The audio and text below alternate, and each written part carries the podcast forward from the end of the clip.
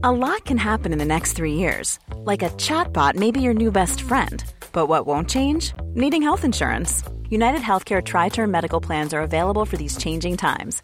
Underwritten by Golden Rule Insurance Company, they offer budget friendly, flexible coverage for people who are in between jobs or missed open enrollment. The plans last nearly three years in some states, with access to a nationwide network of doctors and hospitals. So, for whatever tomorrow brings, United Healthcare Tri Term Medical Plans may be for you. Learn more at uh1.com.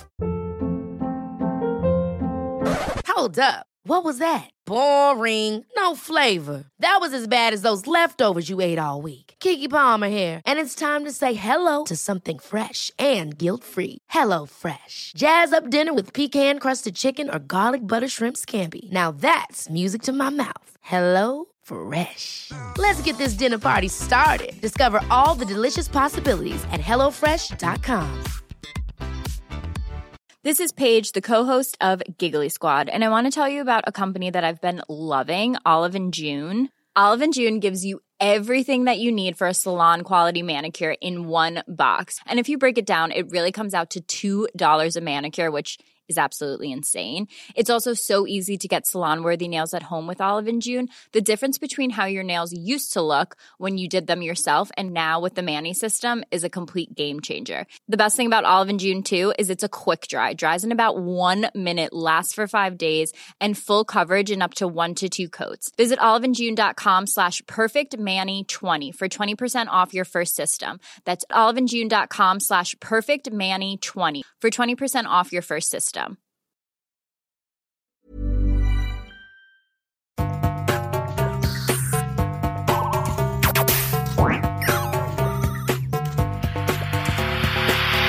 Jeg heter Sondre Risholm Livrød. Jeg er psykolog, og dette er Webpsykologens podkast. Hverdagspsykologi for fagfolk og folk flest.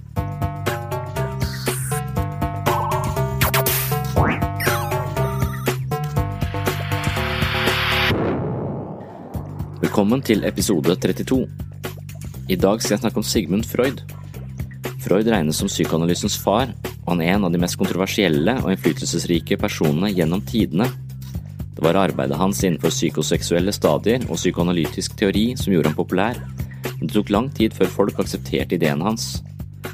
I dag er deler av hans teorier avvist, men mange av de mest sentrale konseptene har vist seg å være treffende og innsiktsfulle beskrivelser av menneskets psykologi. Freud fortalte oss at alt vi opplever er farget av våre nevroser. Vi tror at vi er objektive, bevisste og fritt velgende aktører i eget liv, men opp mot 95% av alt vi foretar oss er styrt av ubevisste prosesser. Freud poengterte at vi er sterkt influert av vårt ubevisste liv, noe som på sett og vis kan virke litt krenkende. Vi er ikke så rasjonelle som vi tror, og fortiden vår er hele tiden med på å farge nye opplevelser.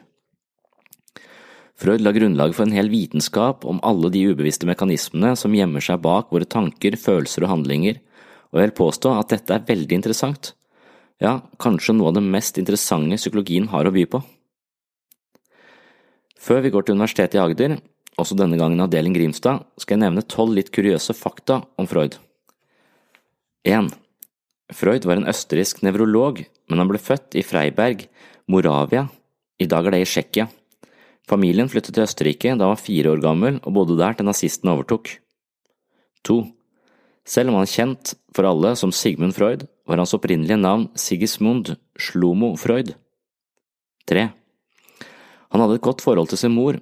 Han følte at hans optimisme, selvtillit og andre positive egenskaper var på grunn av den spesielle kjærligheten han fikk fra sin mor. 4. Freud var flerspråklig. Han mestret nesten åtte språk som inkluderte engelsk, tysk, hebraisk og spansk. 5. Selv om han var doktor av yrke, ønsket han aldri å være lege. Han ønsket å bli forsker. Han studerte medisin, men målet hans var å jobbe med forskning. 6. Som medisinsk student utførte Freud forskning på kokain, som ikke ble ansett som ulovlig på den hans tid, og publiserte en artikkel om kokainens helsemessige fordeler og kalte det en mirakelkur. 7. På grunn av Freuds artikkel begynte mange mennesker å bruke kokain, noe som resulterte i en del misbruk av kokain i Europa og Amerika. Dette førte til at Freud ble beryktet, og senere prøvde han hardt å holde seg borte fra stoffet. 8. Etter at Freud startet privat praksis, lærte han seg hypnose og brukte dette som behandlingsmetode for en rekke psykiske plager. Han var imidlertid ikke fornøyd med resultatet. Ofte fungerte hypnose bra i starten, men mange pasienter fikk senere tilbakefall. Freud tenkte han ble nødt til å behandle mennesker med innsikt og samtaleterapi i våken tilstand, istedenfor under påvirkning av hypnose. Sammen med Josef Breuer utviklet han det som nå kalles fri assosiasjon. Det er en metode hvor pasienten snakker så fritt og uhemmet som mulig, og tanken er at denne typen fri tale vil inneholde noen hint om hva som ligger skjult i pasientens ubevisste liv. Freud tenkte at det var konflikter i vårt ubevisste sjelsliv som kom til overflaten som symptomer. Man måtte dermed forsøke å gjøre det ubevisste bevisst for å forstå roten og de bakenforliggende årsakene til sine problemer. Når man innså sammenhengen mellom ubevisste krefter og hverdagslivets symptomer, ville denne innsikten i seg selv være kurativ. 9. Freud mente at seksuelle impulser utgjør mye av den energien som drifter menneskets psykologiske liv. Han mente at de fleste nevroser har et seksuelt utgangspunkt, og da er gjerne undertrykte seksuelle impulser og forbudt begjær. Han så for seg at mennesket har et psykisk forsvar som hindrer at uakseptable tanker og følelser får lov til å oppta plass i vår bevissthet, hvorpå dette psykiske materialet ble henvist til ubevisste avkroker. Undertrykkelse fører til at vi må bruke mye energi på psykisk forsvar, noe som skaper psykiske spenninger. Konflikten i vårt indre liv og de psykiske spenningene gir grobunn for symptomer på psykisk lidelse. 10. Noen vil hevde at Freuds teorier i høy grad var diktert av hans egen biografi. Her spekuleres det i at hans eh, fokus på seksualitet dreide seg om hans egne seksuelle dragning mot sin egen mor, og ikke minst de seksuelle problemene han hadde med sin kone Martha, noe som angivelig skapte store emosjonelle problemer i ekteskapet. 11. Freud var også veldig opptatt av barndommen og menneskets utvikling gjennom stadier, Grovt sagt trodde han at tidligere traumatiske erfaringer, gjerne knyttet til egen seksualitet, fører til nevrotisk oppførsel i voksen alder. 12. Freud var oppmerksom på at enkelte pasienter snakket om seksuelle overgrep fra barndommen, men Freud tolket dette som fantasier og et uttrykk for underbevisste konflikter og forbudte ønsker. Han trodde ikke på at barn faktisk ble utsatt for overgrep. Han var nok også redd for konsekvensene for foreldrene mistenkt for overgrep. Det er åpenbart at Freuds teorier har vært et fantastisk bidrag til forståelsen av menneskets indre liv, men en del av konseptene i psykoanalysen, spesielt fokus på seksualitet og libido, har blitt moderert ganske kraftig i senere tid. Men uansett hva man synes om Freud, så er psykologien et fagfelt som står i stor gjeld til Freud. Personlig synes jeg det er både artig og spennende å lese Freud, og i løpet av den neste timen skal jeg forsøke å redegjøre for en del av de sentrale konseptene i psykoanalysen, samtidig som jeg som vanlig vil tilstrebe å gjøre teoriene anvendelige og relevante for hverdagslivet. Da tar vi nok en gang turen til Universitetet i Agder, avdeling Grimstad, for å snakke om Freud og vårt ubevisste liv.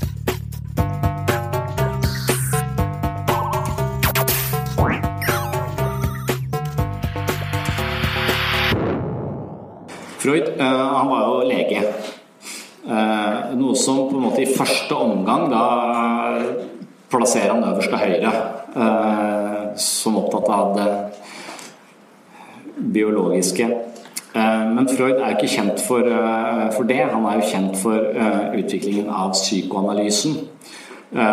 Som da vil være en øverst til venstre. Han. Det er en psykologisk teori. Det er en teori på hvordan psyken eh, eh, fungerer. Og den er ikke forankra i, eh, i materien. Den er en egen, er en hypoteser på hvordan menneske, menneskets indre liv fungerer. Og Freud sa selv at på et eller annet tidspunkt så kan vi koble psykoanalysen, den psykoanalytiske forståelsen av mennesket, til hjernen, til biologien. Men det er prematurt nå. Det er altfor tidlig, sier han. Dette er på slutten av 1800-tallet, begynnelsen av 1900-tallet. Og, og, og, han sier at nå må psykoanalysten få lov til å vokse som sin egen eh, disiplin, før vi kan koble disse sammen. I dag er vi kanskje der at vi kobler eh, både psykoanalysen med nevropsykologi. Eh, og det finnes et eget tidsskrift som heter Neuropsychoanalysis, som, eh, som, jobber med nettopp dette å bevise Freud, på sett og vis. Og da, da har Freud fått en litt sånn ny renessanse. Man tenker gjerne at Freud er avleggs og, og ut. Men i disse dager, og håper flere år nå, så er egentlig Freud sin modell av psyken ikke så halvgæren forståelse av hvordan, hvordan menneskets indre liv fungerer, ut ifra hva slags funn man også har fra nevro, nevropsykologi. Så har man begynt å bygge denne broen mellom det subjektive og det objektive. Men for Freud sin del så var det for tidlig, mente, mente han. Så Freud er jo en sånn person som er ganske eh, mye kritisert. Eh, og, og, han er sånn Vi kaller det late bloomer. Eller han, han kom seint. Eh, han kom godt da han først kom. Eh, men teoriene hans hadde vanskeligheter med å få fotfeste. Og, og, det var vanskelig å akseptere psykoanalysen, i hvert fall på, på, på Freud sin tid. Eh, I dag så kritiseres han også fordi at vi eh, har gått helt vekk fra det, denne libido-teorien hans. At denne, denne, fokuset på sex da, det, det, blir litt for mye, eh, sånn man ser det i dag. Så drivkraften i mennesket, altså seksualdriften er på en måte den primære drivkraften i, mennesket, eller den eneste drivkraften i mennesket, det tror man ikke lenger. Vi tror at mennesket har veldig mange andre motivasjonsfaktorer enn bare, enn bare sex. Så, så, en del av de konseptene til Freud har vi gått litt vekk ifra ifra, men likevel så skylder vi Freud veldig veldig masse. Jeg tror det er derfor han er med i pensum også. for det, det, er ingen enkeltperson som har hatt så stor innflytelse på vår dagligtale og forståelse av vårt eget indre liv som det eh, Freud har. Det å snakke om ego, det å snakke om det ubevisste, det å snakke om Ødipus-kompleks, alt dette her, altså det har gått, nesten gått inn i dagligtalen. Så det er ingen enkeltperson innenfor psykologifaget som har hatt mer gjennomslagskraft enn en Freud. Eh, så han er infiltrert i vår på en måte mer eller mindre allmenne forståelse av hvordan psyken fungerer. Nevrotisk f.eks. Masse av disse begrepene er det, er det Freud som, er, som, som står for. Så Freud er en viktig person, en artig person. Teoriene hans er artige. og, og morsomme eh, å både lese og, og, og forstå. Eh, vi skal prøve å gå gjennom noen av de viktigste konseptene da, i hva, hva, Freud mener om det å være menneske. Eh, han sier bl.a. at det ubevisste psykologiske prosesser er sentrale for å forstå et individ. All atferd er motivert, har en hensikt og er målretta. Så det er psykisk determinisme. Konflikter i motiver og krefter er alltid til stede. Ingen er konfliktfrie. Fortiden eksisterer i nåtiden. Drifter og behov varierer alltid i intensitet og mengde. Menneskets atferd er alltid en tilpasning til verden. Dette er noen sånne stikkord. Eh, de blir lagt ut på den der fronter, tror jeg. Eller jeg vet ikke hva fronten er. Eh, eh, men jeg har i hvert fall sendt det til hun som var her i stad, så da skal hun sørge for at det kommer ut en ny sånn nettportal, tipper jeg, som jeg ikke har koden på. Eh, så, men eh, ja, han er, han er kjent for, det, for at det er ubevisste psykologiske prosesser er sentrale for å forstå individet. Og det er en av de tingene som metaanalyse eh, i dag viser, at det, opp mot 95% av det eh, som foregår inni oss, er ubevisst. Eh, det betyr at hjertet vårt slår, sånn, det er jo ikke så veldig bevisst. Med mindre du er hypokonder, så er det bevisst hvorvidt hjertet ditt slår, og hvor fort det slår. Eh, sånn som jeg til legger merke til. Eh, men, men, veldig mye av det som foregår inni oss, er ubevisst, og derfor så er det også mye av motivasjonen vår genereres av krefter som ligger utenfor vår oppmerksomhet. Så, så vi kan ikke umiddelbart vite hvorfor vi gjør alt. Det føles naturlig, men det har mange bakenforliggende årsaker som er utilgjengelige for oss, eller ligger i det ubevisste. Eh, så all atferd er motivert og har en eh, hensikt av målretta. Så, så, så, bak enhver handling så ligger det en eller annen dypere eh, forståelse av hvorfor denne handlingen eh, kommer til overflaten. Altså ved å studere overflaten eh, nøye, så kan vi på en måte grave lenger innover og forstå hva ligger bak disse, disse handlingene. Eh, så istedenfor å ta ting på face value, så mente jo Freud, og Freud på en måte poengterte for oss, at det, veldig mye av det vi foretar oss og tenker og, føler osv., er da generert av ubevisste eh, krefter. Og Det betyr at eh, når eh, vi ser oss som rasjonelle, ettertenksomme og fornuftige åndsvesener, så sier Freud at det er bare en illusjon. All din erfaring og alle dine meninger og synspunkter og forståelse av deg selv og verden er alltid filtrert via dine egne nevroser. Så du ser aldri verden sånn som den egentlig er. Du ser din fortolkning av den verden. Ergo kan du aldri stole på dine egne opplevelser, uh, på sett og vis. Og det er det perspektivet der som er litt krenkende, nærmest. Uh, når mennesker ser på seg selv som fornuftig og osv., så, videre, så er det litt sånn kjipt å høre at vi på en måte produserer våre egne verdensoppfattelser på bakgrunn av en haug av ubevisste mekanismer. Eh, så det var nok der at denne teorien hans hadde litt trang fødsel. Folk var ikke helt mottakelig for å plutselig se seg selv som langt mer irrasjonelle enn det de uh, hadde tenkt før.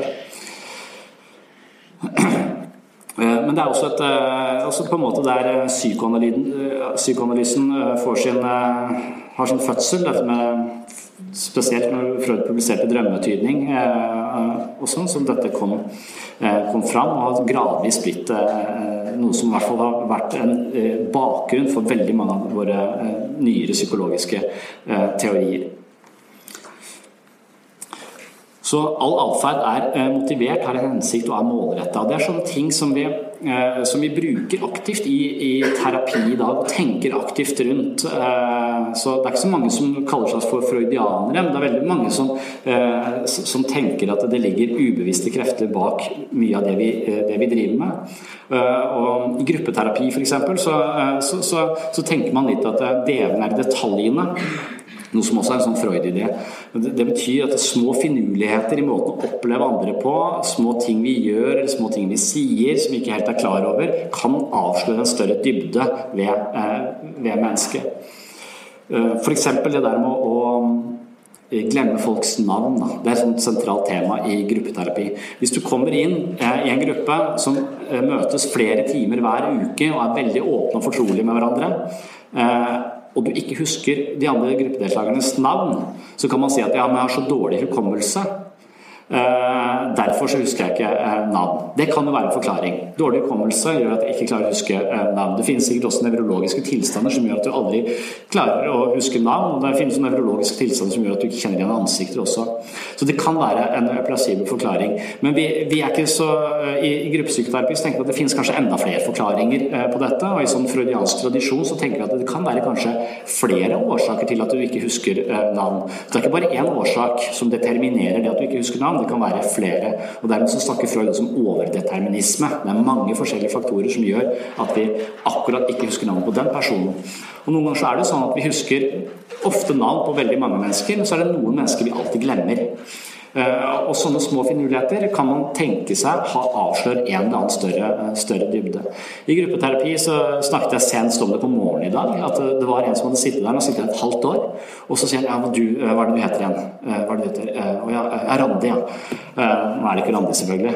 Men men, men, det tar lang tid før han, før han husker navn. Og så, og så, sier han husker du ikke hva hun heter. Og så viser det at han husker egentlig ikke hva nesten noen av oss heter. Eh, mens han husker veldig mange andre, eh, andre rundt. Og da, da, er vi litt interessert i det. Hva, hva er dette med å ikke huske navn for, uh, for deg? Så jeg dårlig hukommelse. Ja, kanskje dårlig hukommelse, men det kan også være at mye av ditt problem er at du ikke tør å binde deg til folk. Du orker ikke å få betydning for andre, for det syns du har så mye ansvar ut ifra hans historie så har han på en måte blitt utestengt fra mange, eh, mange sammenhenger. Han har blitt dårlig behandla av foreldrene sine. Han har hatt veldig få nære, gode relasjoner, og de nære relasjonene han har hatt, der han har opplevd å bli svikta. Så han har nok kanskje en slags frykt for å nærme seg mennesker, eller for å komme i nær kontakt med folk. Og en måte å ikke komme nær andre mennesker på, er å ikke huske navnet deres. Da har det ikke noen betydning for meg. Eh, så de betyr ingenting for meg. Det er dermed heller ikke noe jeg bør frykte eh, å miste. Eh, så, så, det kan ligge masse i å ikke huske navn. Det er en i den gruppa som alltid konsekvent sier en annen persons navn feil. Eh, eh, og det har hun gjort i ett år. Så hva er det med at det ikke er et vanlig navn som hun hele tiden sier helt feil? Eh, hva, hva, er det for noe? Det er også sånne interessante ting. og Der, der kan man tenke seg at eh, dette mennesket som alltid husker feil navn, har en ekstremt streng sånn religiøs bakgrunn, eh, hvor alt er tabu og, og på en måte vanskelig. Sånn i forhold til å uttrykke følelser, og spesielt dette med seksualitet Så det kan nok være at hun på en eller annen måte har noen følelser for denne personen som skremmer henne så mye at eh, hun ved å ikke huske navnet skaper en slags avstand eh, til han, gir han mindre betydning. Eh, og Det kalles da Freudian slips. ikke sant? Vi har dette fra Freud. dette her. At ting vi sier, ofte sier feil, har en eller annen betydning for oss som vi ikke helt er klar over. På et eller annet ubevisst nivå så har vi en eller annen følelse for denne personen. Det kan være seksuelle impulser, det kan være motstand, det kan være hat, det kan være antipati. Det kan være mange ting som er uakseptable for oss. Det er følelser vi ikke orker og makter å erkjenne eller forstå. Eh, dermed så skyves de ned i det ubevisste. Og Der ligger disse kreftene og koker, men på en eller annen måte så kommer de til overflaten. Eh, F.eks. gjennom sånne Freudian slips eller små forglemmelser eller, eh, eller synes i atferden vår. Så all atferd er motivert eller har en eller annen årsak og hensikt. Og av og til så gjør vi ting gang på gang på gang på gang i livet vårt som ikke gagner oss eller gagner relasjonene våre. Vi virker uklare med folk, eller den typen mennesker klarer vi ikke å omgås osv. Så, videre. så vi har noen mønster som hele tiden hindrer oss i å leve fritt. Og det er da psykoanalysen kommer inn og sier at vet du hva, da er du nødt til å se litt på disse ubevisste kreftene som ligger bak dine relasjoner og måten du møter andre mennesker på. For du er nødt til, Hvis du kan se det, hvis du kan forstå uh, noe av disse ubevisste kreftene i deg, så kan du Det første skritt er på en måte å se dem. Gjennom innsikten, når du observerer deg selv og forstår deg selv, så kan du også endre atferd. Det er først når du ser dybden og forstår bakgrunnen for dette her, at du har muligheten til å endre det. Litt sånn som en alkoholiker kan ikke på en måte slutte å drikke før han erkjenner at han har et problem. Eh, jeg kan ikke gjøre noe med min egen arroganse med mindre noen gjør meg oppmerksom på at den er der. For jeg liker jo ikke Arroganse er et dårlig karaktertrekk. Det vil du helst ikke ha. og Dermed så kan det være gode grunner for meg til å ikke innse at jeg kan virke arrogant eh, på noen. Hvis jeg orker å se på det, hvis jeg tar ansvar for det, ser den følelsen, så har jeg gjort den bevisst. Og da ligger det ikke nødvendigvis i det ubevisste å tuppe meg i ræva i relasjoner uten at jeg legger merke til og så forstår jeg ikke hvorfor folk ikke liker meg. Eh, da har jeg en mulighet til å forstå hvorfor folk ikke liker meg, og jeg har faktisk en mulighet til å gjøre noe med det også. Eh, så igjen, Freud har vi dette der vi gjør det ubevisste bevisst. Det er Freud sin idé. Uh, og det er bakgrunnen for veldig mye, også da, dagens form for ulike former for, for psykoterapi. Freud har Det vi skal huske fra Freud, er isfjellmetaforen, kanskje.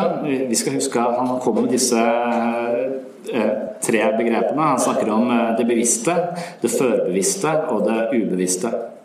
Så Det bevisste det er tanker og følelser, forestillingsbilder, som jeg er oppmerksomme på her og nå. Det er de tankene og følelsene jeg tar ansvar for, forstår og kan se i, i, i meg selv. Det førebevisste det er da psykisk innhold som vi ikke har tilgjengelig, men som lett kan hentes frem. Ved å tenke etter, så er det på en måte der kan vi hente frem eh, elementer i det, i det førbevisste. Men det ubevisste det er utilgjengelig reservoar av følelser, minner, behov og impulser som ikke lenger er tilgjengelig for bevisstheten eh, vår. Eh, så kan man tenke litt sånn at eh, barnets utvikling, altså skader i menneskets utvikling i form av omsorgssvikt eller konflikter som barn ikke klarte å løse underveis på veien til å bli en voksen eh, ansvarlig person. Eh, jo tidligere disse skadene eh, skjedde, jo voldsommere de var, jo dypere begravd ligger de på en måte i vårt psykiske reservoar. Så man kan bl.a. si at man kan forestille seg at det, som skjer med barn før de får språk f.eks., det er vel ikke så farlig, for de husker det ikke likevel. Eller det som skjer med de minste barna, det er vel ikke så farlig, for de husker jo ikke dette når de blir voksne. Det er først når, vi, når de blir sånn tre-fire år at de skjønner at her er det en semantisk hukommelse. Du husker hva vi gjorde uh, i går.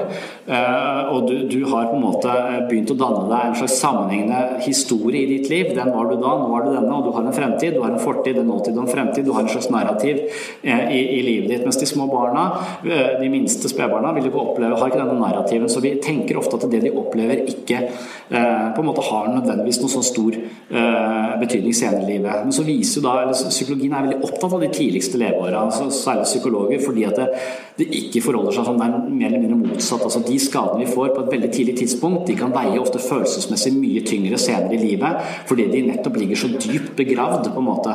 De, de, vi har ikke noe eksplisitt hukommelse fra det, men de ligger i kroppen vår. Så kroppen husker husker det. og Dermed så kan vi reagere på måter i situasjoner senere i, i livet som vi ikke forstår. Vi reagerer med voldsom angst i situasjoner som er åpenbart helt ufarlige. Så, så, så dermed så, så, er vi fanget av en eller annen fortid som vi ikke har noe eksplisitt hukommelse fra, men som likevel påvirker oss og veier følelsesmessig tungt også senere i, i livet. Og da er det rett og slett så dypt begravd at vi klarer ikke med vår egen fornuft å se dybden i dette her.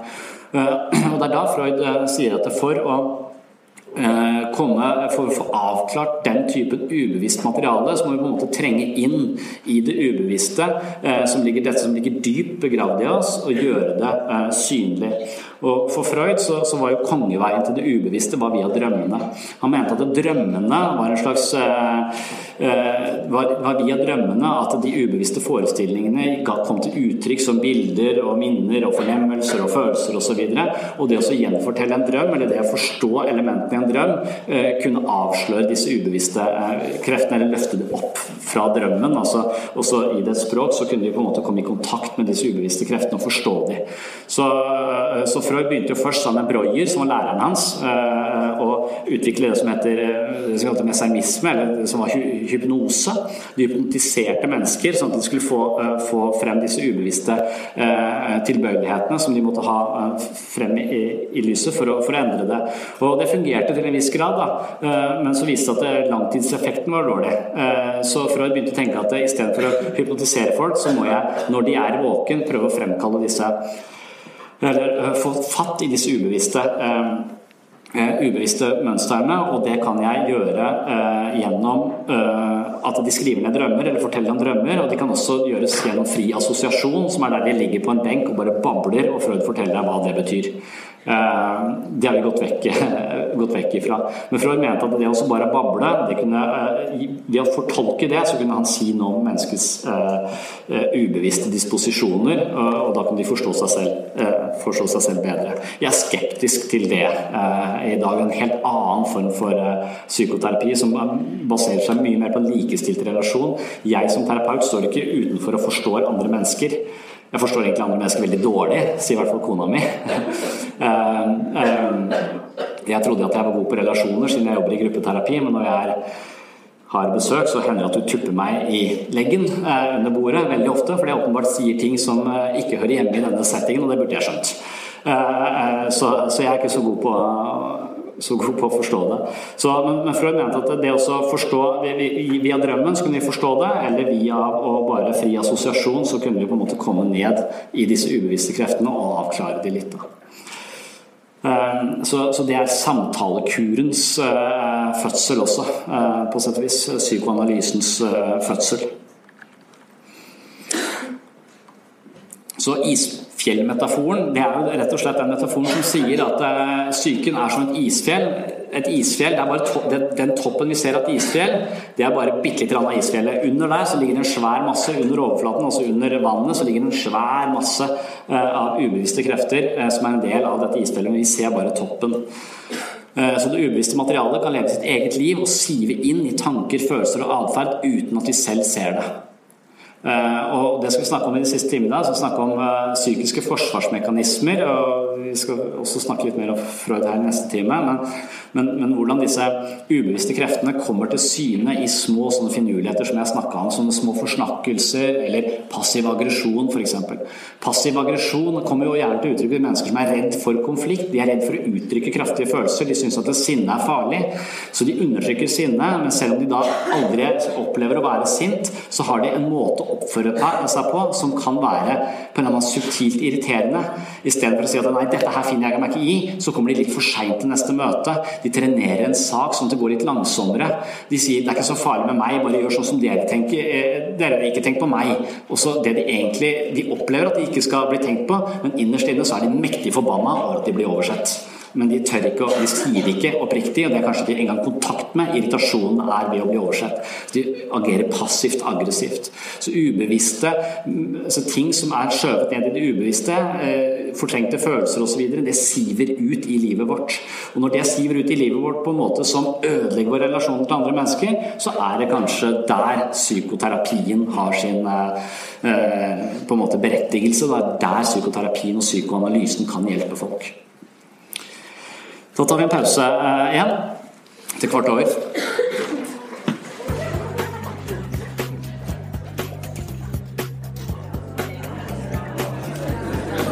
Så eh, det som skjer gjennom eh, oppveksten, er at vi må løse en del konflikter. Vi må lære å forstå oss selv, vi må lære å forstå vårt indre liv. Vi må gjerne få et språk på vårt indre liv, sånn at eh, vårt indre liv eh, og våre følelser ikke bare blir kropp og hjertebank, men eh, vi kan på en måte gi det et språk, gi det en, få en forståelse for måten vi reagerer på. Da får vi kontroll. Da kan vi forstå oss selv, og vi kan regulere oss selv. Det er psykisk sunnhet. Så alle de utviklingspsykologiske teoriene sier da at på, på denne veien noe om hvilke konflikter som oppstår underveis i denne prosessen fra forskjellige perspektiver. Eh, og vi skal etter hvert også se på, eh, på Freud som eh, utviklingsmodell da, fra oralfasen til analfasen, den falliske fasen. Han har også en sånn trappetrinnsmodell som, som, man forestiller seg at mennesker går igjennom. Og på hvert nivå, på hvert, hvert nivå av utvikling så er det eh, sentrale konflikter som må løses for å komme videre. Og Avhengig av hvor godt vi løser de konfliktene, jo mer på en måte modent fungerer vi senere eh, i livet. Så, men på denne uh, sliden her så står det altså vi må avdekke det ubevisste grunnlaget for å kurere symptomene. våre. jeg prøvde å si noe om i stad, at vi må avdekke uh, det ubevisste for, for, å kunne på en måte komme symptomet til livs. Og symptomet da på en eller annen atferd, eller på angst eller depresjon, eller hva nå symptomet skulle vise seg å være. Om det er vondt i kroppen, som hun dama vi snakket om tidligere, eller hva, uh, hvordan symptomet egentlig viser seg. For å illustrere dette her, altså illustrere enda en gang da, det ubevisste eh, samt denne talekuren som vi har fra Freud, så, så kan jeg så synes jeg Det tydeligste i mitt liv, da, hvordan dette har fungert, det, det, det har jeg fra, fra, mitt privatliv, egentlig. Hvor uh, jeg har en datter på syv år. Uh, når hun, hun er den første, hun er den eldste. Så, så, for syv år siden så fikk jeg da denne lille jenta. Eh, og vi var på sykehuset, og hun kom.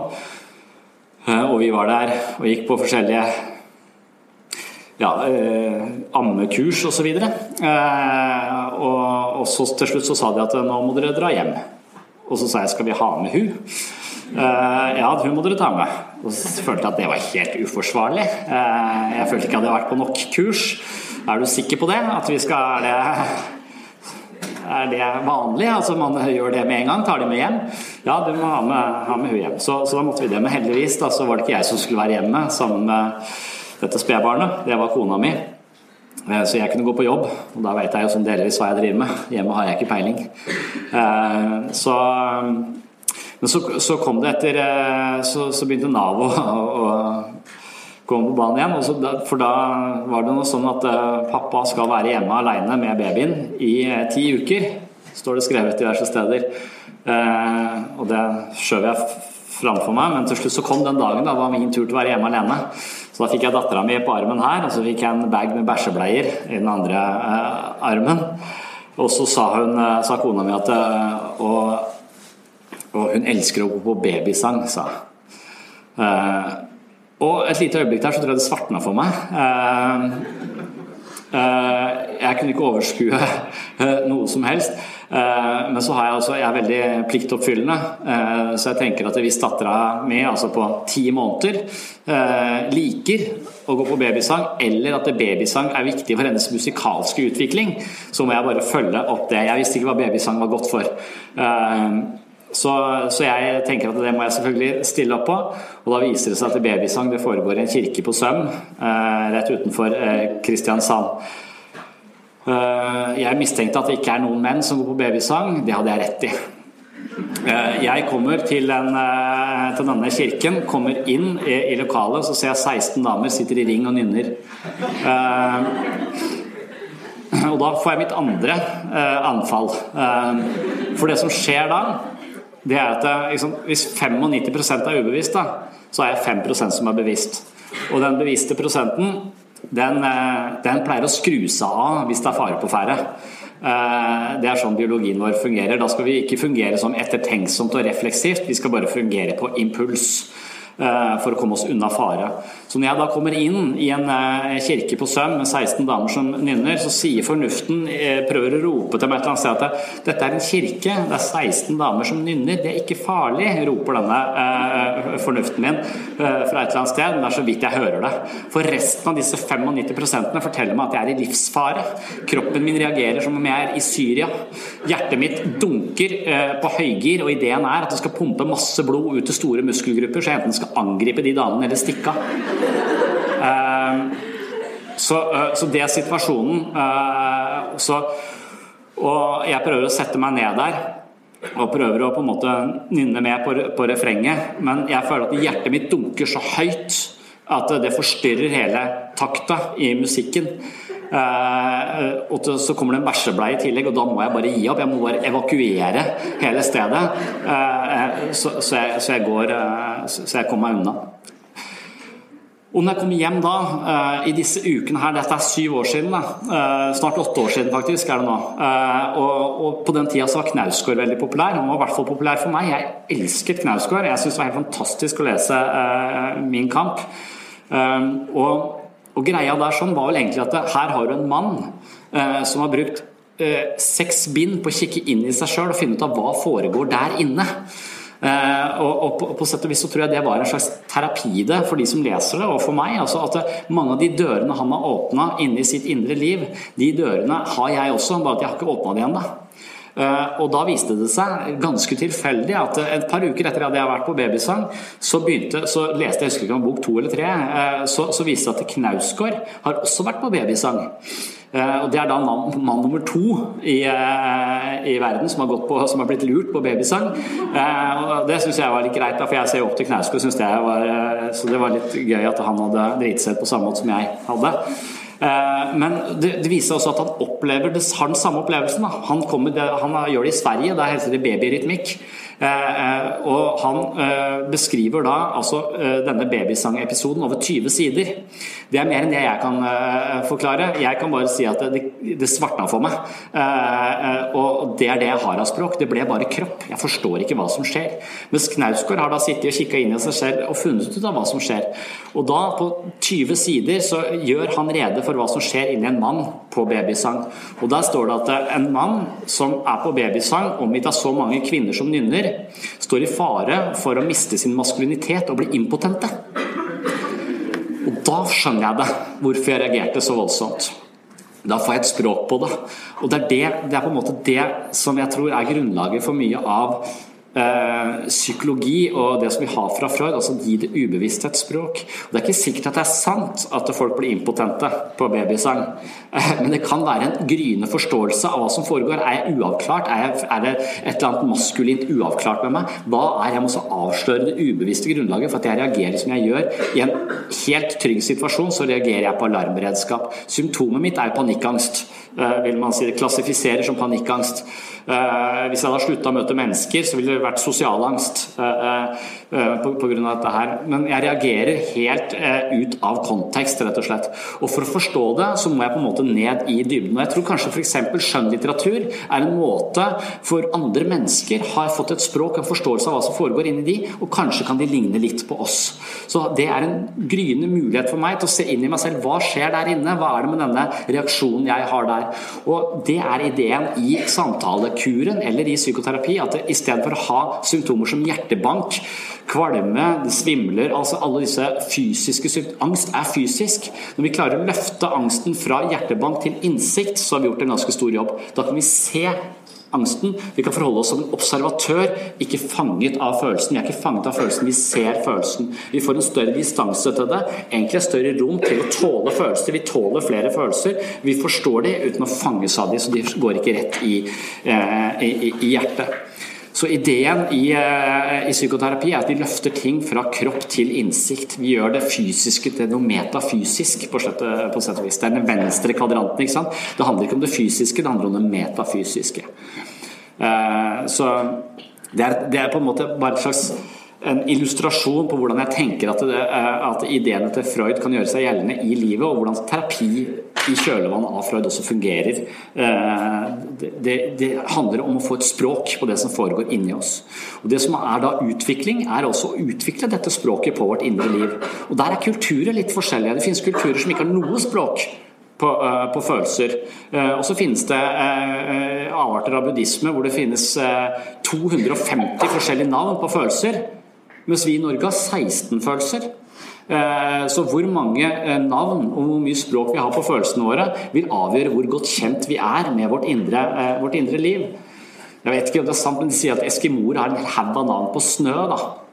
Og vi har jo litt forskjellig. Vi har sørpe kanskje, og kramsnø og, og, og pudder osv. Vi, vi kan identifisere forskjellige nyanser i snø. Men mens hvis Eskimoen har sånn 50 navn på snø, så, så, så er de bedre til å forstå snø enn det vi er. Eh, og hvis du da, eh, så på sett tenker jeg alltid at det, Psykisk helse handler om å få mer språk på det som foregår inni oss av følelser. Eh, og ikke for at vi skal føle på alt mulig, men vi skal klare å håndtere følelsene uten å bli fanget av dem. Eh, vi skal klare å navigere etter vårt indre liv og ikke være redd for vårt indre liv. Det er forbudt å føle. Sånn sier eh, Bibelen at jeg ikke skal føle. Sånn skal jeg ikke tenke ifølge den eh, ideen. At vi har masse føringer på hvordan vi skal forholde oss til vårt indre liv. Så blir vi fremmede for oss selv, så blir vi egentlig vår egen verste fiende. Vi kjenner ikke oss selv. Og Det er det som er med, med det lille barnet. Altså, når, jobber, når jeg jobba i barne- og ungdomspsykiatri, så er jo øh, de fleste symptomer barn har, er kroppslige. De vil ikke gå på skolen fordi de har vondt i magen eller de har vondt i hodet. De har alltid en eller annen fysisk forklaring fordi de ennå ikke har et språk på hva som egentlig plager dem. Kanskje de føler seg utenfor, kanskje de føler uh, at de blir mobba, kanskje de føler at de ikke klarer å uh, prestere sånn som de ønsker. At det er et eller annet følelsesmessig problem på skolen som de ikke har noe språk for, og da kjenner de det bare i kroppen. Det er ikke da sånn at barnet finner på og later som om det har vondt i magen. Det har vondt i magen fordi det er engstelig i en situasjon de ikke føler det mestrer, men de vet ikke hva det er i denne situasjonen, de kan ikke sette språk på det. Og da er det da pumper hjernen ut masse adrenalin, f.eks., eller det aktiverer adrenalin sånn at det blir surt i magen, og det gjør vondt i magen. Så når vi ikke har noe språk på ting, så vil det komme til uttrykk. Smerte kommer til uttrykk. Eh, og når vi ikke klarer å forstå det, så kommer det ofte fysisk. Så uh, små uh, barn har fysiske symptomer på psykiske plager. Og en del av det som foreldre gjør, og en del av det som er å bli voksen og utvikles som menneske, handler jo da om å få mer og mer og mer og mer språk på det som foregår her, her inne. Og da trenger vi et åpen og en, en kultur som på en måte som, som ligger til rette for at vi får lov til å snakke om følelser. Det Freud tenkte seg, og nå blir det litt litt sykt. Ehm, for det Freud tenker seg, er at eh, vi sliter med å holde seksuelle og aggressive eh, drifter i sjakk. Ehm, så Freud ser for seg at eh, vi har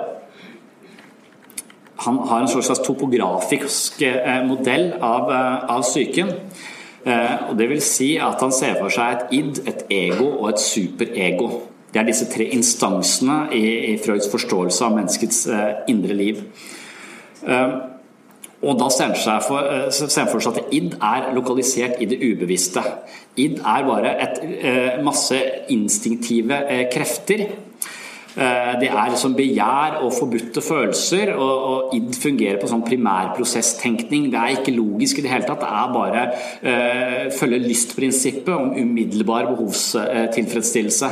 Uh, det, uh, det er når du er på fest og du har alle sperrer er slått av, på en måte. Da er det bare eh, bånn gass.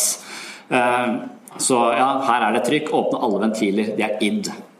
Eh, men så lever vi i en verden hvor vi ikke kan forholde oss til livet på den måten. Vi kan ikke være 100 spontane og bare utleve all, uh, alle behov uh, vi har. For det vil ikke verden uh, tolerere, og det vil, være, det vil, være, ufint overfor andre mennesker osv. Så, så det finnes en verden av krav som vi er nødt til å om, til, tilpasse oss for å fungere. Så dermed så, så har altså da en annen instans i vårt indre liv er ego. Eh, og ego er den delen av det psykologiske strukturen som er mest likt selv, eller det man kaller selve. Den delen som står for eh, mediering mellom id og superego. Så ego sin eh, eh, oppgave det er å sørge for at id ikke bare kommer Alle behovene bare alle følelsene bare kommer til overflaten. Det prøver å regulere litt, det prøver å tilfredsstille i det litt, men det må også begrense det i forhold til ytre krav og forventninger. Samtidig så må ego forholde seg til superego, som er denne moraliserende instansen eh, som forteller oss hva som er rett og galt, og hva som er plikt, og hva du bør og ikke bør gjøre, og osv. Så, videre. så det er en sånn dømmende instans vi har i, eh, i oss selv. Og, og for å se for deg at superego er en slags inkarnering av foreldrenes formaninger om hva du skal og ikke skal uh, gjøre. Så mens uh, mor og far sier 'gjør leksene dine', 'oppfør deg ordentlig', 'vask deg på hendene', uh, alle sånne, sånne ting som vi blir fortalt og satt grenser for som, som, barn, det internaliserer vi, og det blir, egen, det blir en del av vårt eget indre liv. Da, og det ligger da i superego. Eh, så superego eh, er i total konflikt med id. Superego vil gå for å være ordentlig og patentlig fremfor å umiddelbar behovstilfredsstillelse. Superego vil si at eh, nei, du skal ikke nyte livet nå, du må bare gjøre lekser og jobbe iherdig for å nå langsiktige mål, mens id sier bånn gass, vi går på fest. Og Der oppstår det en konflikt inne i, i, i mennesket. Og Det er disse konfliktene som på en måte er selve drivkraften i livet. Da. Men det, disse, kreft, disse konfliktene får også energien sin fra libido, eller en sånn seksualdrift som ligger i bånn, som er rett og slett bensinen i dette psykologiske maskineriet. Og Det er denne seksualdriften, at det er den som er utgangspunktet for all bevegelse og all kraft i mennesket, som man er tvilende til eh, i, eh, i nyere psykologi. Og det med all rett. Vi vet nå at mennesker motiveres ikke bare av et eller annet libidokraft, en altså seksuell drift. Vi motiveres av å skape mening, eh, f.eks. Vi motiveres av gode relasjoner relasjoner. Eh, Nietzsche snakket om at eh, vi motiveres av viljen til makt. altså Vi motiveres av det å være selvhevdende og vinne kamper. Eh, så det er mange motivasjonssystemer etter hvert som man oppdaget som Freud på en måte ignorerte. Og det er en del av kritikken mot, mot Freud. Så, ja, altså, så den, dette iddet er det mest primitive, den umodne. Det er kaos, en heksegryte av sydende spenninger følger lystprinsippet og primærprosesstenkning, eh, som er et begrep i, i pensumet. Cool fact a crocodile can't stick out its tongue. Also, you can get health insurance for a month or just under a year in some states. United Healthcare short term insurance plans, underwritten by Golden Rule Insurance Company, offer flexible, budget friendly coverage for you. Learn more at uh1.com. Ever catch yourself eating the same flavorless dinner three days in a row? Dreaming of something better? Well, HelloFresh is your guilt-free dream come true, baby. It's me, Kiki Palmer. Let's wake up those taste buds with hot, juicy pecan-crusted chicken or garlic butter shrimp scampi. Mm. Hello Fresh. Stop dreaming of all the delicious possibilities and dig in at HelloFresh.com. Let's get this dinner party started. I'm Sandra, and I'm just the professional your small business was looking for. But you didn't hire me because you didn't use LinkedIn jobs. LinkedIn has professionals you can't find anywhere else, including those who aren't actively looking for a new job but might be open to the perfect role, like me. In a given month, over 70% of LinkedIn users don't visit other leading job sites. So if you're not looking on LinkedIn, you'll miss out on great candidates like Sandra. Start hiring professionals like a professional. Post your free job on linkedin.com/people today. Uh, og så er det dette uh, ego da, som er en sånn regulator som skal holde og avpasse disse, uh, disse behovene i forhold til ytre krav, men også i forhold til vår egen moral og vår egen etikk, som er internalisert her oppe i super, superego. Og på bakgrunn av dette her så får vi da også en del, en del forskjellige typer av, av angst. Ehm, og, og, angsten oppstår altså da i denne eh, konflikten mellom disse eh, instansene. Så objektiv angst, eh, det, det snakker Freud om at Angst er en reaksjon som dukker opp når det er fare på ferde. Eh, altså, når, når, vi reagerer med angst i møte med en farlig situasjon, så reagerer vi umiddelbart uten å tenke oss om. Så Da skrus prefrontal cortex av, det jeg kaller disse 5 disse, denne bevisstheten, den reflekterende bevisstheten, den blir skrudd av, for det tar lang tid å reflektere over noe. Så med en gang vi møter farer, så skrur vi av den, og så reagerer vi på impuls. Og det er, det er sunt når du ligger i Når jeg skal tilbake til Kristiansand etterpå og ligger i 100 km. Jeg ser at et vogntog på 80 tonn ligger i 100 km i min, uh, i min fil. Så kan jeg tenke jøss, det var litt ubeleilig at det kommer et vogntog midt imot meg. Bang! Så er jeg der. Så jeg kan ikke tenke over den situasjonen. Jeg må handle. Og, og, det å tenke da, det vil ta for lang tid, og det er ikke overlevelsesdyktig. Og Freud er veldig eh, inspirert av evolusjonsteori også. Uh, det er evolusjonært fornuftig å ikke tenke seg om når du er i farlige situasjoner. Problemet er da når at du, du reagerer eh, som om du blir møtt av et vogntog i en kirke på Søm. Eh, det er da det blir, eh, blir, eh, problemer. Men objektiv angst handler om vår naturlige frykt for farlige ting, og det er ikke noe galt med det. Det må vi ha, det er et overlevelsessystem. Men så kommer det en del mer, sånn, mer patologisk angst, da, som man kaller f.eks. nevrotisk angst. Eh, og det kan være konflikter mellom id og ego.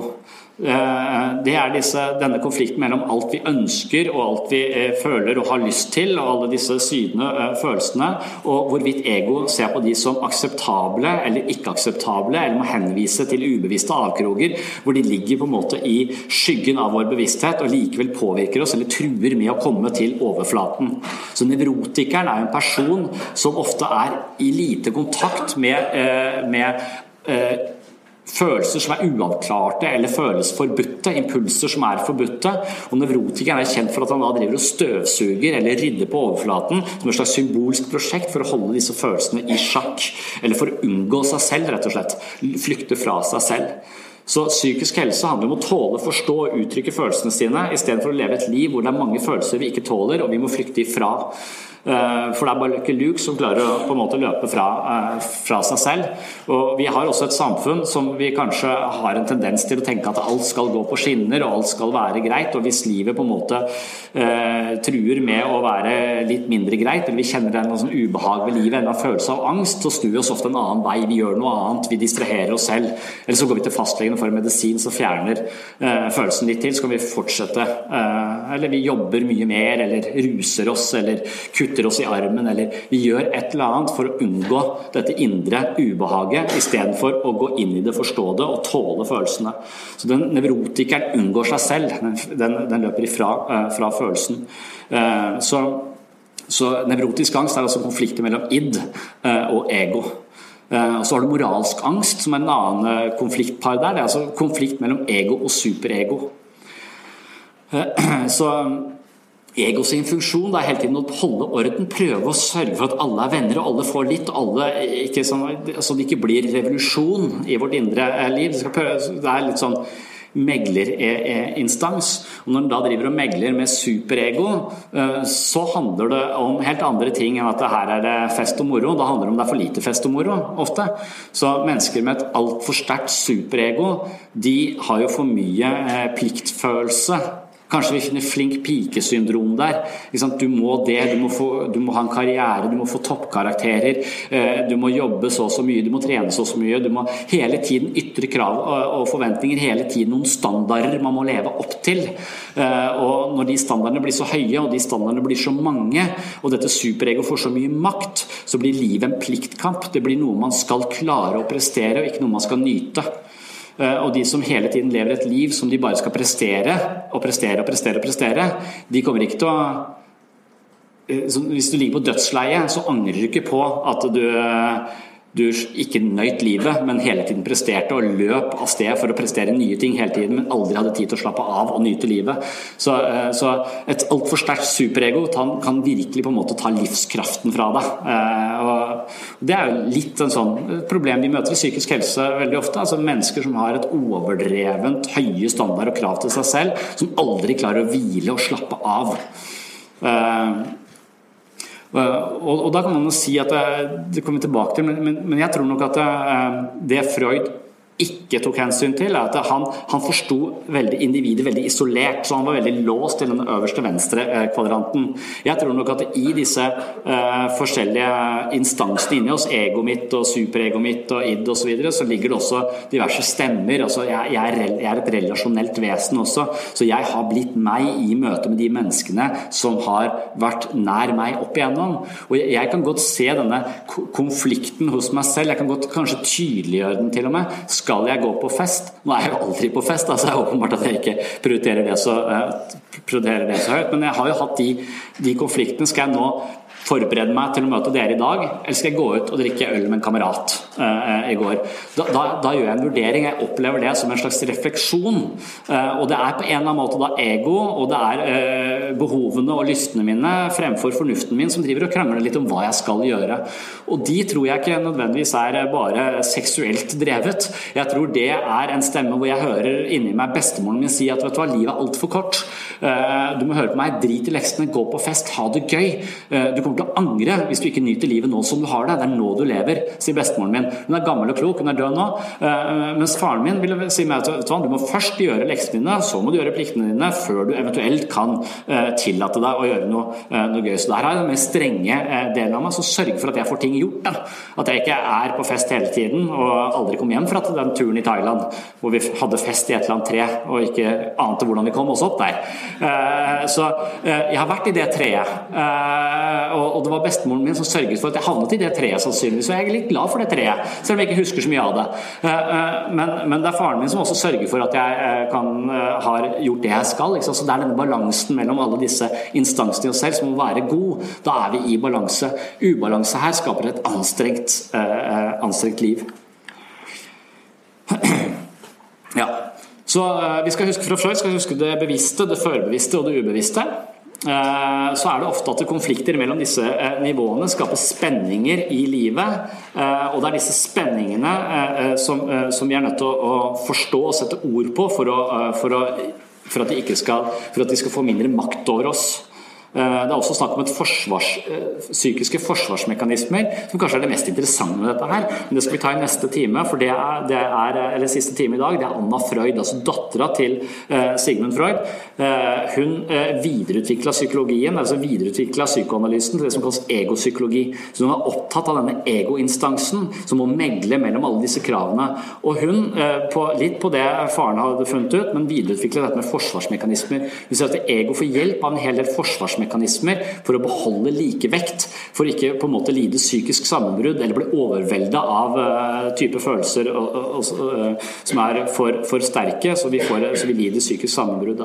Så, så, så, det skal vi huske. Vi skal huske id, ego, superego. Eh, det bevisste, det ubevisste og det førbevisste.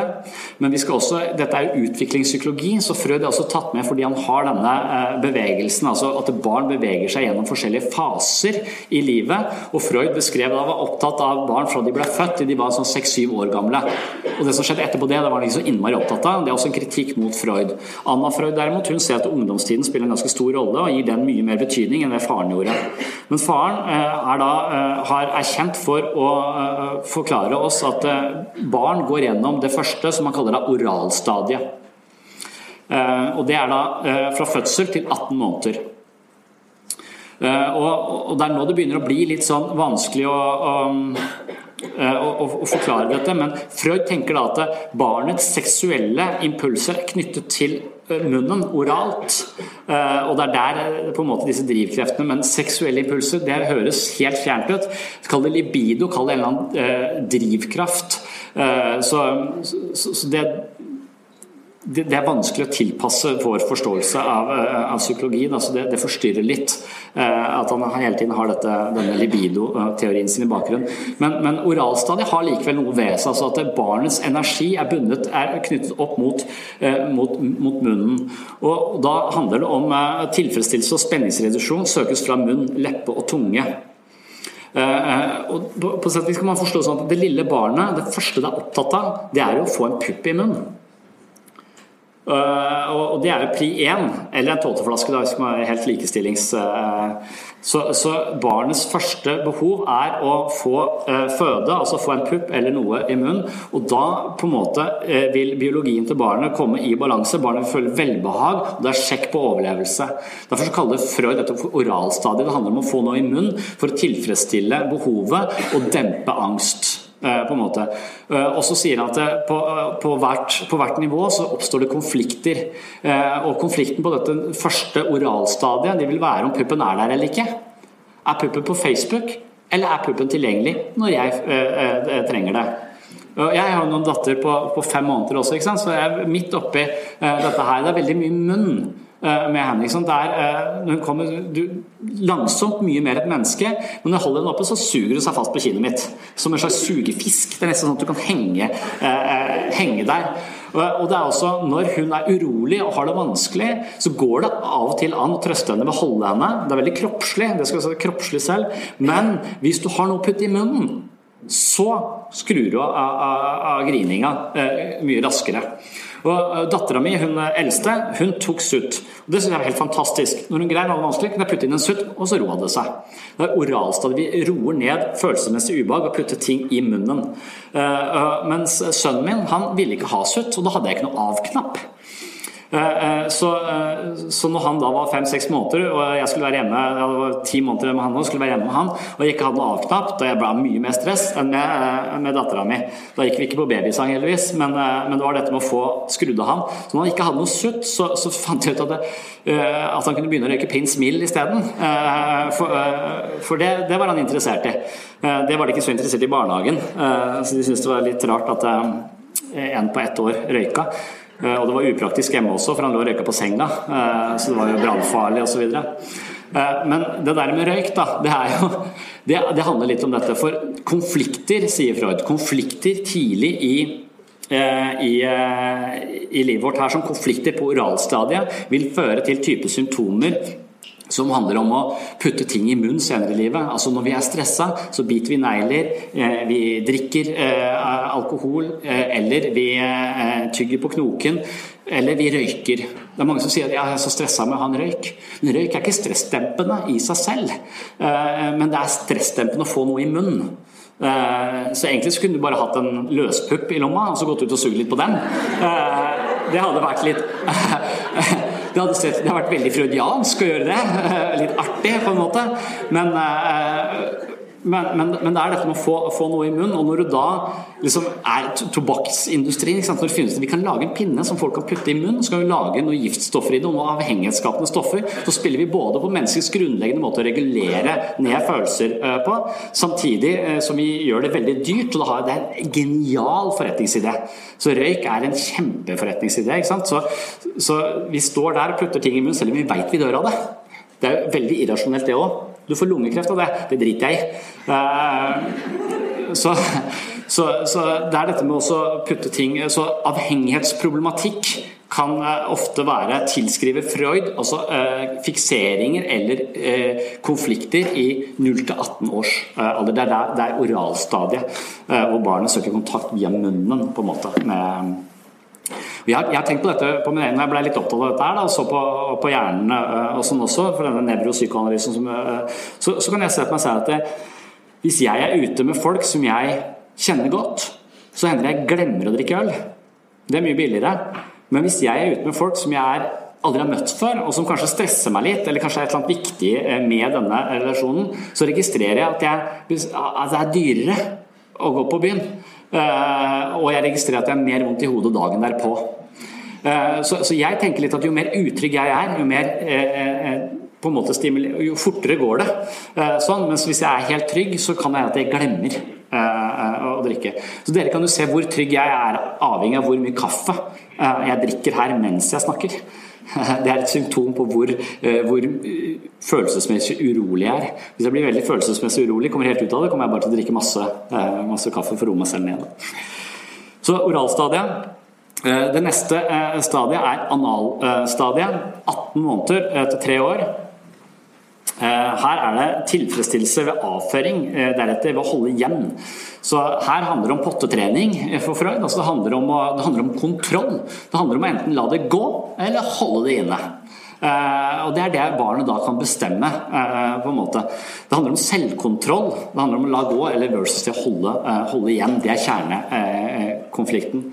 Og senere i livet så vil konflikter da i analstadiet vil føre til at man enten er helt mangler kontroll, det er veldig rotete og utflytende, eller at man er 100 pertentlig og ordentlig og holder alt i orden. Eh, på en måte.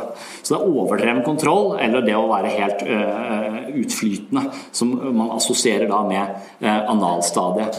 Det er litt vanskelig å se hvordan eh, de tingene der eh, oppstår, men analstadiet, altså det er også Hvis du ser på alderen, altså 18 måneder til 3 år Det er ikke så halvgærent, i den alderen han setter opp. Det, eh, så, og han ser da på ting som fase, og så kommer du over i analstadiet. Men analstadiet det assosieres da med denne det kalles terrible twos, eller trassalderen også. Og, analstadiet handler også veldig mye om å markere seg og, og, finne ut av hvor er jeg på rangstigen. Så man kommer i en alder her hvor man har lyst til å bestemme alt. Jeg har en sønn på tre-fire, han er fire nå.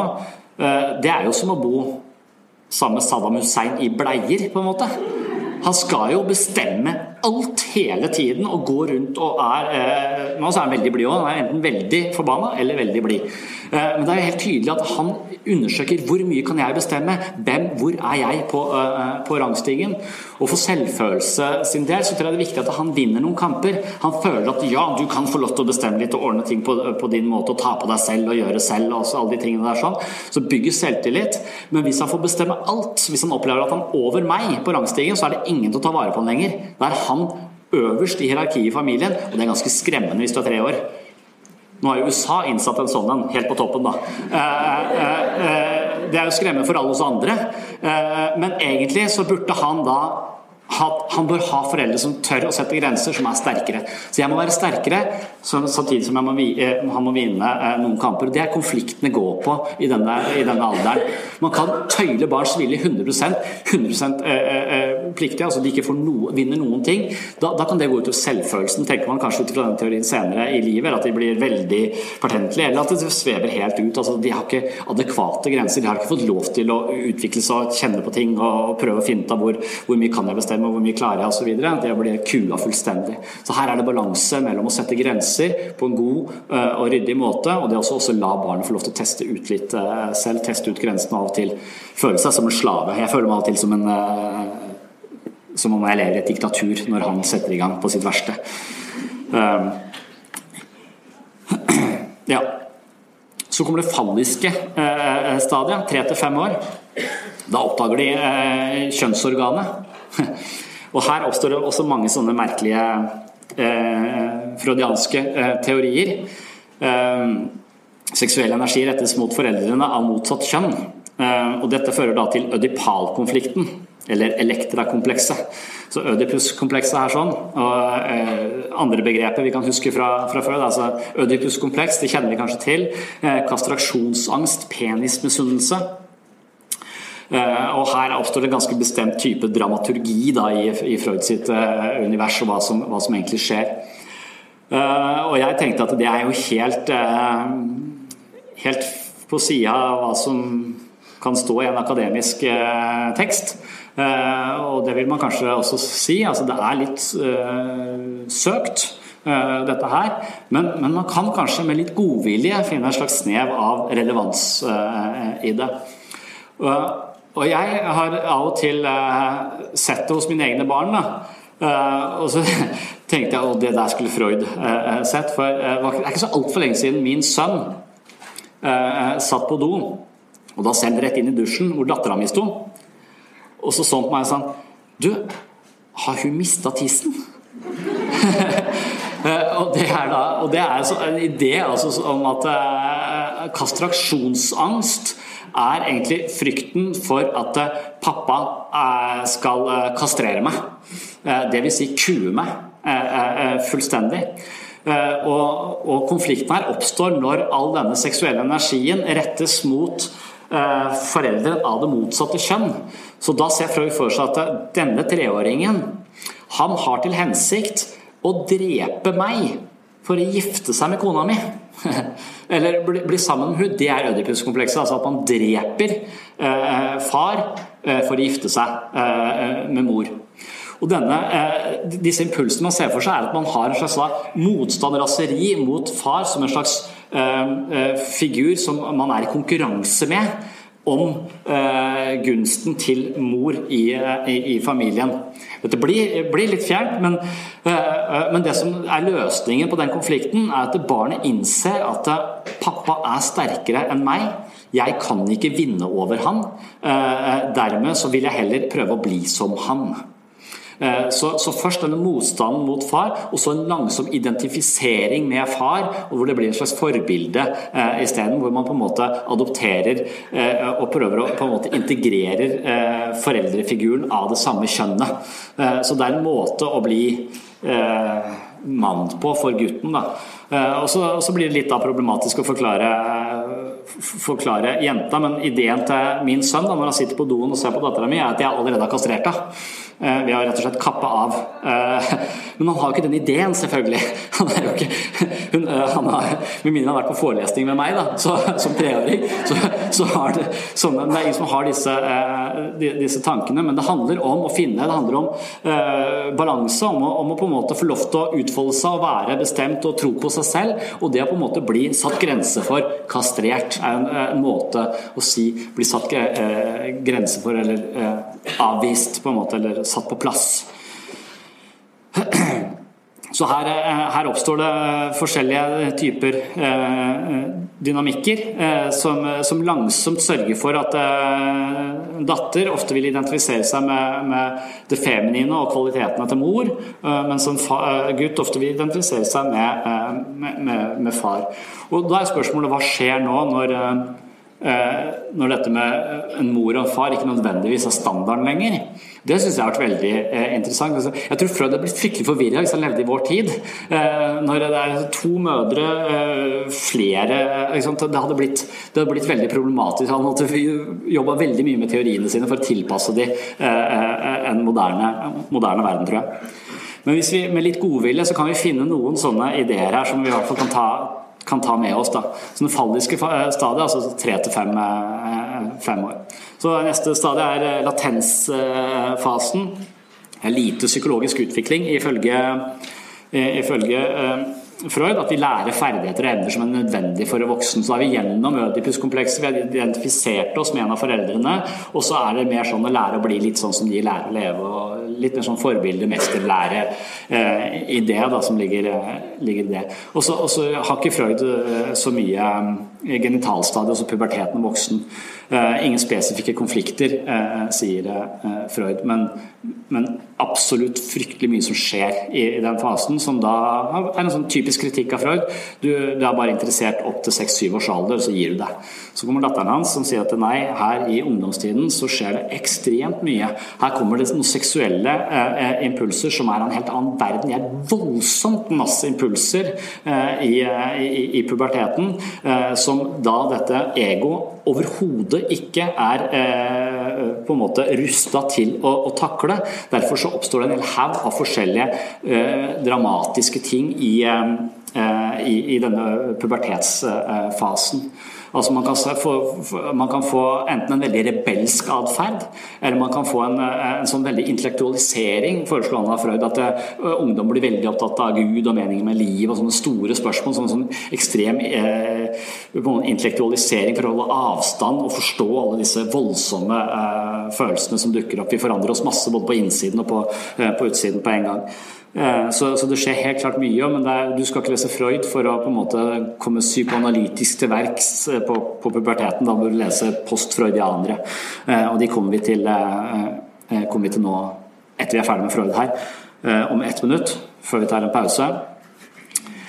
Så Psykoanalysens mål er å endre personligheten ved å jobbe med førbevisst og ubevisst materiale. Litt sånn som jeg jobber med meg selv på babysang. Jeg, jeg, kan jo velge å aldri mer gå på babysang. Det har jeg for så vidt valgt, da.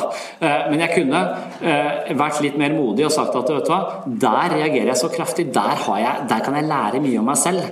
Og så kunne jeg oppsøkt de situasjonene. Eh, og det er kanskje det psykologien vil si at istedenfor å unngå alle vanskeligheter, så bør vanskeligheter være noe vi bør være interessert i og kanskje gå inn i istedenfor å flykte ifra. Så følelsesmessig ubehag, voldsomme reaksjoner er noe vi bør være interessert i. Noen vil til og med si at angst er på en måte en slags gave. Her er det et eller annet i ulaget, her er det noe du er uavklart med, og det viser seg i kraft av angstsymptomer. Dette eh, er din mulighet til å forstå angsten. Så istedenfor å da ta masse medisiner eller drikke mer eller jobbe mer for å unngå eh, angsten, eller ikke gå på de stedene hvor du får angst, så, så kan du gå inn i symptomet, forstå symptomet og leve forbi symptomet. Det er en litt sånn spennende idé. Da. Det er, det er, hvis, hvis dere har vært ja, Freud opererte jo i Wien, men han, på slutten av sin leveår så bodde han sammen med dattera si i London. Og Der er det bl.a. et Freud-museum, altså det huset hvor Freud bodde. Er, han var jo så opptatt av, av gamle ting. og, og altså, så Eh, og han var opptatt av å grave i menneskets indre liv, men også eh, opptatt av gamle Egypt og masse sånt, Så eh, kontoret hans er et fantastisk sted. Så det er en slags arkeolog på, mange, på både, både fysisk, men også på det, på det psykiske. Så ja, Psykoanalysens mål, hva slags tanker og følelser er det personen ikke vedkjenner seg, er et spørsmål. Og Målet er da også å få disse tankene og følelsene til overflaten, forstå det i det et språk, sånn at de ikke bare tupper oss i ræva fra det ubevisste på en måte og styrer oss uten at vi legger merke til hvordan. Eh, og For å komme inn i det ubevisste så er Freuds metode fri assosiasjon eller drømmetydning. Yes. Da tror jeg vi tar en pause før vi går på eh, psykiske forsvarsmekanismer, som også er det mest interessante, som vi sparer til siste time, sånn at folk skal holde ut.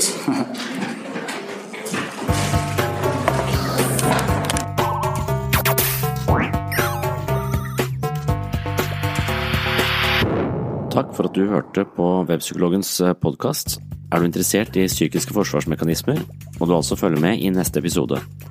Det er et tema jeg har hatt oppe på denne podkasten tidligere, og dermed blir det litt repetisjon, men enkelte temaer kan man med fordel reflektere over mer enn én en gang. Som vanlig nevner jeg også at bøkene jeg har skrevet om eh, psykologi og selvutvikling for eh, fagfolk og folk flest, altså selvfølelsens psykologi og jeg, meg selv og selvbildet, reflekterer mange av de temaene du finner igjen i denne podkasten. Vil du gå grundigere til verks og komme enda mer inn i forståelsen av menneskets indre liv, håper jeg du besøker babypsykologen.no, hvor bøkene er til salgs på best pris med fri frakt. På gjenhør i neste episode.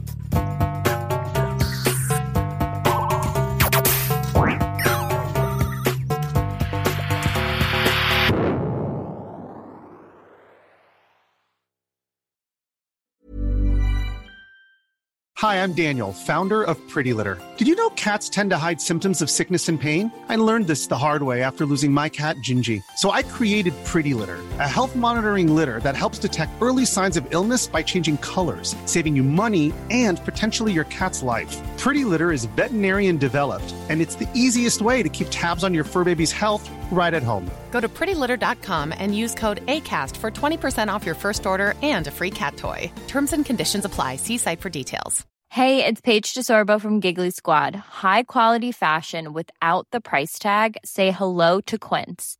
I'm snagging high end essentials like cozy cashmere sweaters, sleek leather jackets, fine jewelry, and so much more. With Quince being 50 to 80% less than similar brands. And they partner with factories that prioritize safe, ethical, and responsible manufacturing. I love that. Luxury quality within reach. Go to quince.com slash style to get free shipping and 365 day returns on your next order. Quince.com slash style. Imagine the softest sheets you've ever felt. Now imagine them getting even softer over time. That's what you'll feel with Bowl and Branch's organic cotton sheets. In a recent customer survey, 96% replied that Bowl and Branch sheets get softer with every wash. Start getting your best night's sleep in these sheets that get softer and softer for years to come. Try their sheets with a 30-night guarantee. Plus, get 15% off your first order at bowlandbranch.com. Code BUTTERY. Exclusions apply. See site for details.